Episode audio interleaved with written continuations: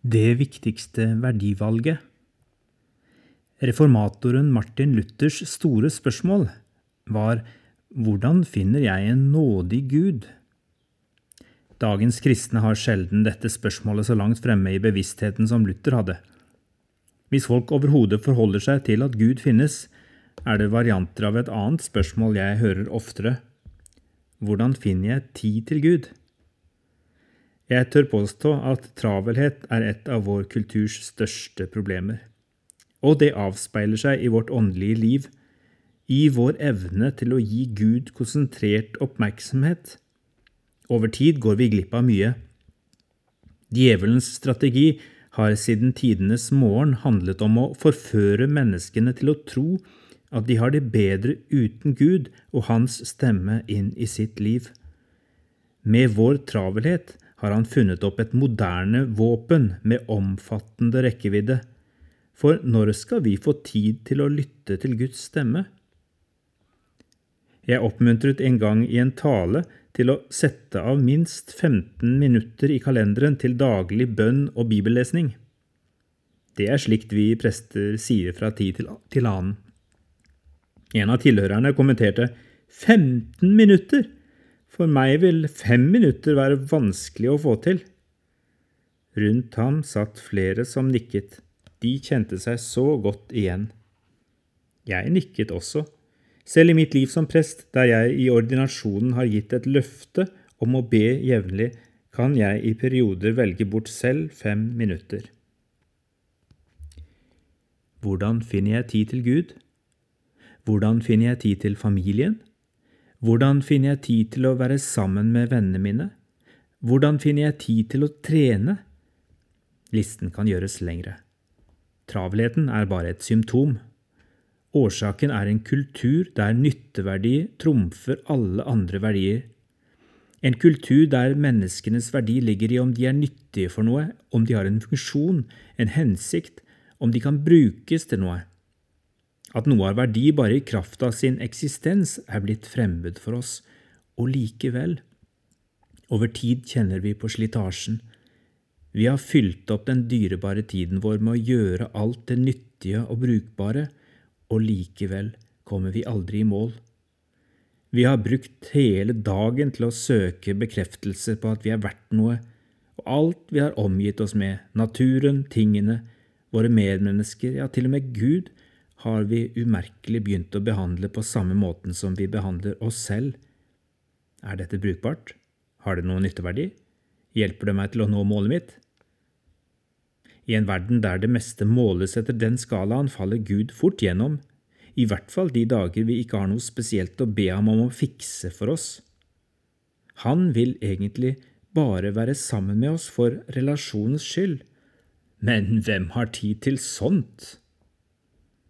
Denne livsstilen er ikke bare fryktelig slitsom i lengden, den er også veldig farlig.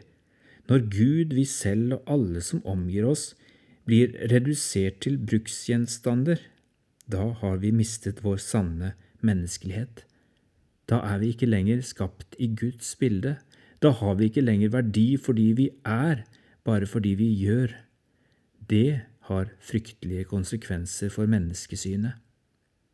I vårt samfunn ser vi det eksempel i vår behandling av det ufødte liv, det syke og det aldrende. Travelheten er bare et symptom på et dypere menneskelig problem. Når vår travelhet nager vår samvittighet fordi det er så mange viktige ting vi skulle ha gjort mer av, da er det nødvendig å gå tilbake til Martin Luthers grunnspørsmål. Luther spurte hvordan finner jeg en nådig Gud? Spørsmålet hans har ikke gått ut på dato. Når vi syns vi ikke rekker over alt, er det en moderne variant av Luthers anfektelser. Vi retter kanskje ikke spørsmålet til Gud, og vi bruker kanskje ikke slike ord, men spørsmålet ligger der. Vi kjenner oss ikke gode nok, verken for andre, for oss selv eller for Gud. Luther gjenoppdaget evangeliet, frelst av nåde i Kristus ved tro, ikke gjerninger. Eller som Philip Yancy har sagt det, nåden betyr at det ikke er noe vi kan gjøre for å få Gud til å elske oss høyere, og nåden betyr at det ikke er noe vi kan gjøre for å få Gud til å elske oss mindre. Den overfladiske fortsettelsen kan fort bli da behøver jeg heller ikke å bruke tid på Gud, han elsker meg likevel. Men her kommer et av troens paradokser. Nåden er en gave vi ikke kan gjøre oss fortjent til. Samtidig trenger vi å rekke ut hendene og ta imot gaven, ikke én gang, men på nytt og på nytt, for nåden er som brød, best som ferskvare.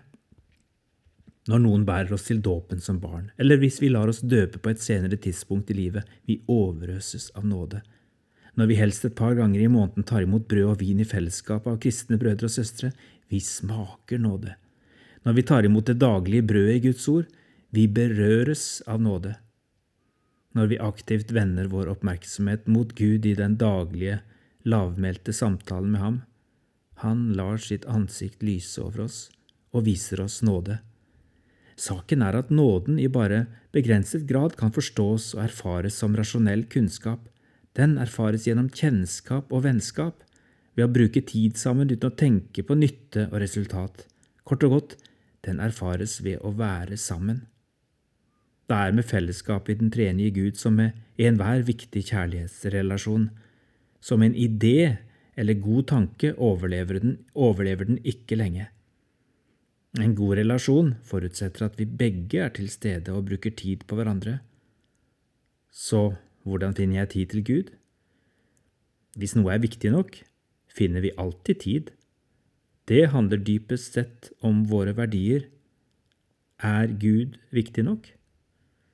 Først trenger jeg kanskje å gjøre opprør mot en forståelse av tid der alt skal måles etter om minuttene er nyttige eller hensiktsmessige. Gud lar seg ikke sperre inne av slike trange, menneskeskapte rammer.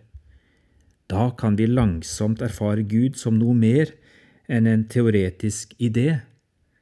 Han er vår første kjærlighet, kilden til all annen kjærlighet. Han er den eneste som er i stand til å elske oss uten betingelser, bare fordi vi er til. Mennesker kan forsøke å elske oss slik, men alle kommer til kort, før eller siden.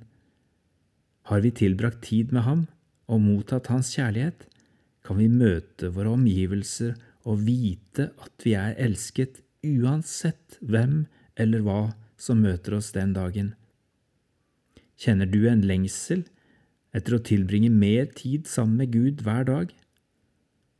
Kirkefaderen Augustin sa det slik, en lengsel som roper ut til Gud, er allerede bønn.